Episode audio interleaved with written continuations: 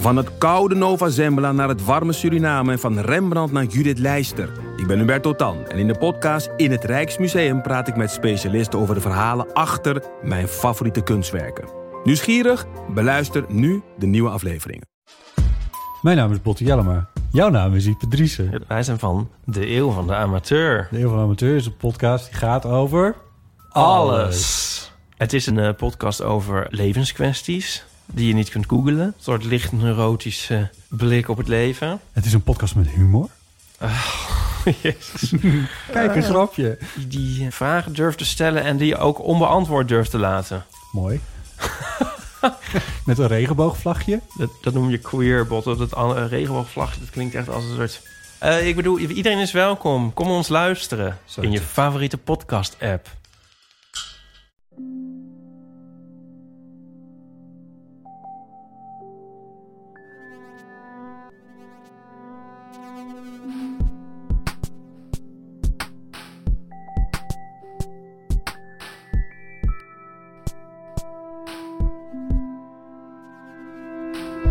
Dit is Relaas, waarin mensen een verhaal vertellen over iets dat ze zelf hebben meegemaakt. En ik zal voor één keer zelf eens iets vertellen. Ik ben vorige week op reis geweest naar Malaga in Spanje en ik heb daar prachtige foto's gemaakt. Ik heb ze ook online gezet. Zo gaat dat op mijn eigen Instagram. Witte stranden, lekkere tapas, cocktails in de zon. Zo gaat dat. Hè? Een mens wil nu eenmaal niet toegeven dat er ook fucking slechte dingen gebeuren op reis. Kijk, hier is een bekentenis. Onze hotelkamer, dat was op de derde verdieping. En de eerste twee verdiepingen, die waren in verbouwing. Wat dus concreet betekent, vanaf 6 uur s morgens, boren, kloppen, roepende bouwvakkers, betonmolens, de hel, echt. Anneleen, die durft er in haar relaas ook eerlijk vooruitkomen. Soms heb je maanden uitgekeken naar een vakantie, maar beland je in een scheidland.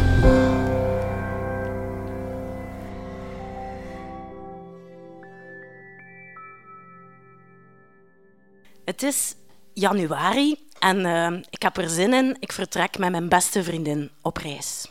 We stappen op het vliegtuig. Elk jaar in de winter maken wij een verre reis naar de zon. We gaan niet op het strand gaan liggen, oké, misschien wel even, maar we trekken rond. We hebben veel gepland, we hebben veel opgezocht. We zijn er klaar voor. En we gaan dit jaar naar Sri Lanka. We moeten lang vliegen, we moeten twee vluchten nemen. En op de tweede vlucht zit er een meisje naast mij en ik vraag in het Engels in het midden of ik een keer door mag om naar het toilet te gaan. En ze zegt, je mag het in het Nederlands zeggen, wij. Dus ja, een West-Vlaamse die naast mij zit en we raken aan de praat. Ze zegt tegen mij dat ze al veel gereisd heeft, maar eigenlijk nog niets gezien heeft. Ze is al naar Thailand geweest en naar verschillende landen, maar daar deed ze eigenlijk vooral al in vakanties en kwam ze niet uit haar hotel. En ze vond niemand eigenlijk om nu met haar op reis te gaan, dus ze gaat helemaal alleen naar Sri Lanka. En ik denk, wow, ik zou nooit alleen zo'n reis maken en dan nog na alleen maar al-in vakanties gedaan te hebben. Maar ja, we babbelen een beetje en we komen erop uit dat we eigenlijk gewoon dezelfde reisroute doen. Dus we zijn ervan overtuigd dat we elkaar nog tegenkomen. En aan de bagageband zeggen we tot later. En ze zegt nog tegen mij, ja, ik heb toch een beetje schrik. Vooral van de mannen hier. Want ja, zo'n meisje alleen. En ik lach dat weg en ik zeg van kom, dat gaat wel tof zijn. En Ragna, mijn reisvriendin, die zegt, maar ja, dat gaat wel meevallen. We komen elkaar nog tegen. Oké. Eerste dag altijd een beetje bekomen van die lange vlucht. En op dag twee gebeurt er eigenlijk al iets grappigs. We zitten in een tuk-tuk. Dat is zo'n Aziatisch voertuig, zo'n uitgebouwde brommer waar je met twee kunt opzitten van achter. En eh, mijn vriendin geeft mij een stamp en zegt, moet ik er kijken naar de diene met zijn oranje haar en zijn oranje baard. En ik zeg, wow, dat is Guido, puntje, puntje, puntje. Ik ga zijn achternaam niet zeggen. Ik kende hem. Dat is een klant van ons. Ik werk in de bibliotheek, een vaste klant en ook wel een bekend figuur in Gent. Dus was echt van, wow, toeval bestaat niet. Als je ooit een man ziet lopen in Gent met een oranje baard en oranje haar, ik heb hem gezien in een boerengat in Sri Lanka. Ik heb dat dan ook aan mijn collega's laten weten die mij niet geloofden. De reis begint, we trekken rond, we zien van alles. En het valt eigenlijk een beetje tegen, Sri Lanka. Er is niet zoveel te beleven. De steden zijn niet zo tof. Uh, het s'avonds om iets te gaan drinken is er eigenlijk geen toffe plek om te zitten of te hangen. Alle toeristische attracties kosten immens veel geld, nog nooit meegemaakt. En wat dat opvalt, zijn vooral de mannen. Ze staren u aan alsof dat je een alien bent of een stuk vlees. En ze praten tegen u, maar ze doen echt raar. En ook in hotels zijn er altijd lurende, rare, glurende mannen. Je kunt eigenlijk nooit een keer op je gemak zitten. En ja, we doen die reis verder en we nemen bussen en treinen. En overal zijn de mannen. Je ziet ook wel vrouwen op straat, maar die kijken u niet aan. En zo in bediening, in cafés of restaurants, hotels, altijd, altijd mannen. We hebben zelfs een keer een trein genomen en de coupé zat vol met mannen. Ze zaten bijna op onze schoot. En om duur hebben we het zo'n beetje gehad, ook met dat bussen en dat treinen. En ja, we vinden Sri Lanka eigenlijk niet zo leuk. En op een dag moeten we van punt A naar punt B. En we, willen, we zeggen, we gaan ons een keer laten verwennen. We gaan een chauffeur vragen. En we vragen in dat hotel in Azië, alles door met de vingerknip geregeld, vragen we, kun jij een chauffeur regelen om ons naar ons volgende bestemming te brengen? En de hoteleigenaar zegt, ja, geen probleem, mijn zoon zal u er morgen wel brengen. We spreken een uur af en de volgende dag zijn we weg.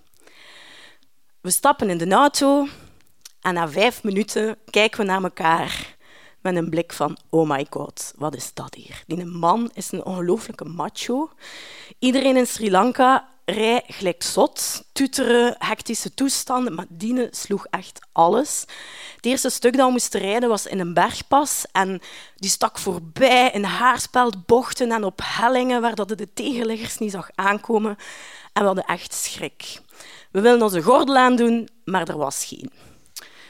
Ik heb op een bepaald moment tegen hem gezegd van take it easy, drive carefully. En hij lachte dat weg en het werd eigenlijk nog erger. Op een bepaald moment heeft hij moeten remmen voor een varaan op de weg.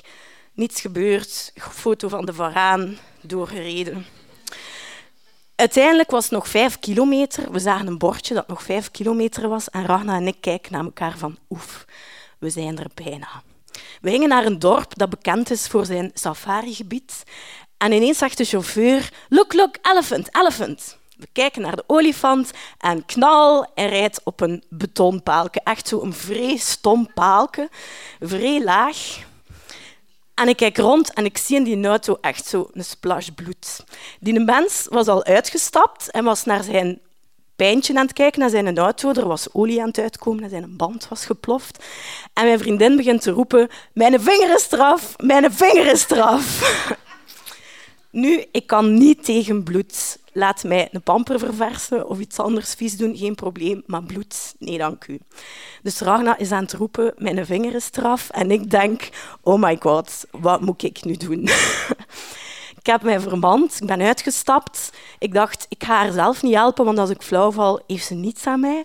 Dus ik ben naar de chauffeur gelopen en ik heb gezegd, help my friend, she's hurt die, die besefte dat precies niet en die stond naar zijn platte band te kijken. Dus ik heb hem geschud en gezegd, please help my friend, she's hurt. Een ambulance, dat bestaat daar niet, denk ik.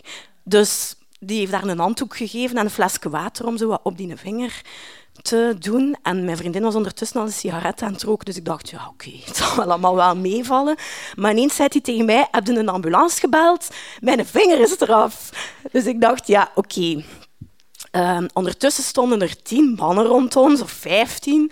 Geen vrouwen, alleen mannen. En er stond iemand bij met een tuk-tuk. Dus ik heb aan die mens gevraagd, can you drive us to hospital? My friend is hurt. Oké, okay, zei hij, yes.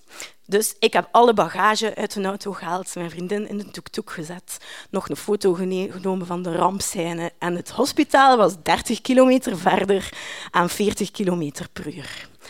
Dus we rijden naar het hospitaal. Mijn vriendin had eigenlijk niet zoveel pijn. En we komen daartoe en rond dat hospitaal cirkelden er allemaal mannen. En Ragna zei, ja, blijf jij anders bij ons grief, want ja, je hebt camera's bij en hij wil niet dat dat weg is. Een tuk-tuk is open.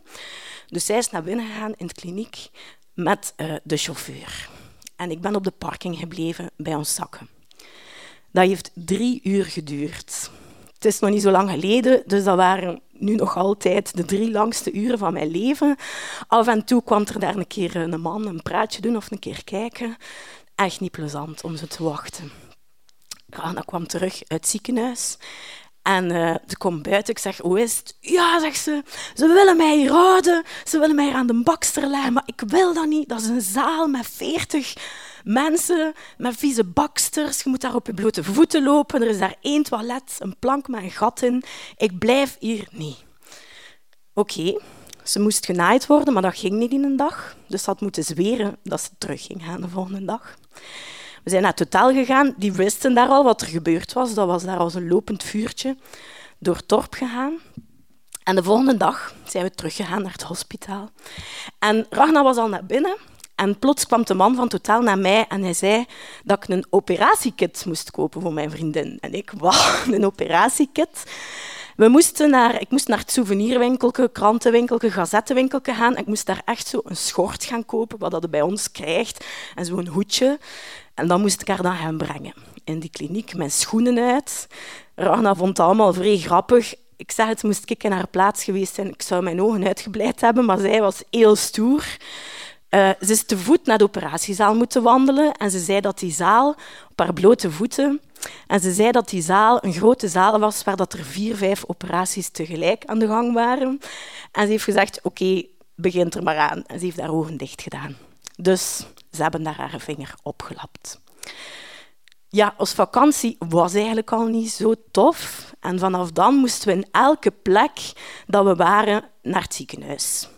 En Ragna vertelde, ja, ik wou die vinger niet zien, dus ze moest die om twee dagen laten verzorgen. En ik zei, ja, is het oké als ik niet meega? Ja, ja, het is goed. En ze zei dat die dokters altijd zo wat mijn nachten deden tegen haar, van ja, de toerist heeft dat meer gesneden en moet verzorging hebben. Maar als ze dan die lakker eraf deden, was het echt van, wow, is dat? Antibiotica, gangrene, help, nog een dokter, nog een verpleegster. Um, dus ja, dit dus. Oké, de laatste week gingen we naar het strand. Hè? Een beetje uitblazen van de vermoeiende reis. Maar Ragna kon niet zwemmen. En in een van die hotels was ook echt raar. Werkte alleen maar, daar werkten alleen maar mannen. En als ik naar de kamer ging of omgekeerd, kwamen die altijd een praatje doen als we alleen waren. Zo'n beetje creepy. En uh, aan dat hotel was er niet zoveel te beleven, uiteraard. En op de middag gaan we een wandelingsje doen om iets te gaan eten. We zijn aan het stappen. Ik loop vooraan, Ragnar loopt achter mij. En uh, er komt een gast naar ons op een brommerke. En die gast maakt naar mij een vuil kusgebaar. En ik denk, ja, viezerik. En achter mij begint Ragnar te roepen... You dirty motherfucker, what are you doing? Ik dacht, ja, wat is het nu weer? ik zeg, wat is er gebeurd? Ja, zegt ze, die heeft van op zijn brommer in mijn borst genepen, ik weet niet hard. Dus ja, die was kwaad. We zijn wel aan het razen tegen elkaar van wat komen wij er allemaal tegen, ook dan nog. En we stappen verder en we zien twee agenten passeren. En ik zeg tegen haar, vertel dat aan die agenten, moeten opkomen voor ons rechten, zullen er waarschijnlijk wel niets mee doen, maar vertel het aan de agenten. Ze zei, ja, ik weet niet meer hoe dat die gast eruit ziet. Ik zeg, ja, ik weet het nog. Dus we hebben die beschreven. En die agenten namen dat eigenlijk vrij serieus. Die zeiden, ja, dat kan niet. En we gaan hem gaan zoeken. En wij dachten, allee, gaan zoeken. Ja, ze, er is hier een terrasje. Zet u er, ze wil een pintje drinken of zo. We gaan hem gaan zoeken. Die agenten houden een toek-toek tegen en die zijn weg. Wij bestellen een pint en we denken van, ja, oké, ja, we gaan hier een half uur zitten en we zullen wel zien. Na twintig minuten staan die agenten voor onze neus met die tettenijper in de toek-toek. Die gast zat te beven en te schudden.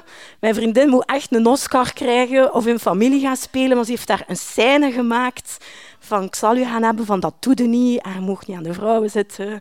En echt fantastisch. Ik weet niet hoeveel toeristen die kwamen kijken, wat, wat is er hier aan het gebeuren. Die politiemannen vroegen of dat we een klacht wouden indienen. We hebben dat niet gedaan, omdat dat drie uur duurde, maar ze hebben hem wel meegenomen. Nog een kleine uitsmijter. De volgende dag, als we moesten uitchecken in het hotel, was er een spel met de rekening. Ze hadden ons eigenlijk 200 euro te veel aangerekend. Dus drama, discussie, allee, toestand. We komen tot een compromis. Dus ze trekken 100 euro van de rekening in plaats van de 200. En de eigenaar vraagt aan ons, zijde nu content? En Ragnar zegt, nee, ik ben niet content en ik haat al land hier. Sri Lanka is niet tof en mijn accident. En gisteren hebben ze mijn borst genepen. En die hoteleigenaar zegt, waarde jij dat? Ja, zegt ze. Hoe weet jij dat misschien? Ja, zegt hij. De politie heeft gisteren het signalement doorgestuurd van die gast naar alle hotels hier in de straat. Uh, dat hij hier niet meer mag komen in de straat. En hij zit nog altijd in de cel. Toen dachten we, yes, goed zo. Voilà, onze vakantie was bijna ten einde. We hebben het nog een dag of vier moeten uitzitten. Eigenlijk wilden we naar huis, maar er was niets aan te doen. En ik vind ook, reizen doen voor de ervaring. En dat kan ook niet altijd feest zijn, als je van alles tegenkomt. Anders had ik hier geen verhaal kunnen vertellen, natuurlijk. En uh, we zijn zonder kleerscheuren thuis geraakt.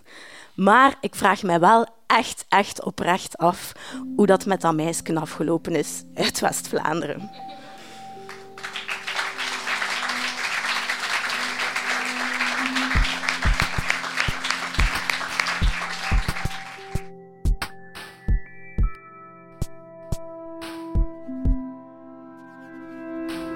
Dat was het relaas van Anneleen. Ze vertelde het in februari in Huset in Gent. Je hoort dat, hè? het trauma zat nog heel vers in haar geheugen. Zoveel was duidelijk. En nu is het aan jullie. Welke verschrikkelijke reiservaring hebben jullie al meegemaakt? Je kan ons dat laten weten via de Facebook comments of, beter nog, je kan het omzetten in een echt verhaal. Stuur het ons op via Facebook of via onze website www.relaas.be en wij nodigen jou uit om binnenkort zelf eens jouw verhaal te komen doen tijdens een van onze vertelavonden. En voor alle duidelijkheid, wij helpen jou bij het maken van jouw verhaal. Dus je moet zeker niet bang zijn dat je niet goed zult kunnen vertellen. Je kan je ook nog voor al onze vertelavonden inschrijven. Dat kan via onze website of via onze Facebook. Als je daar naar events kijkt, dan kan je zien wanneer de volgende relaasvertelavond is. En terwijl je daar dan toch bent, doe ons een pleziertje en deel jouw favoriete verhaal online met de wereld en met je vrienden. Dan krijgen wij nieuwe luisteraars bij. Je weet het ondertussen, relaas is er dankzij Stad Gent.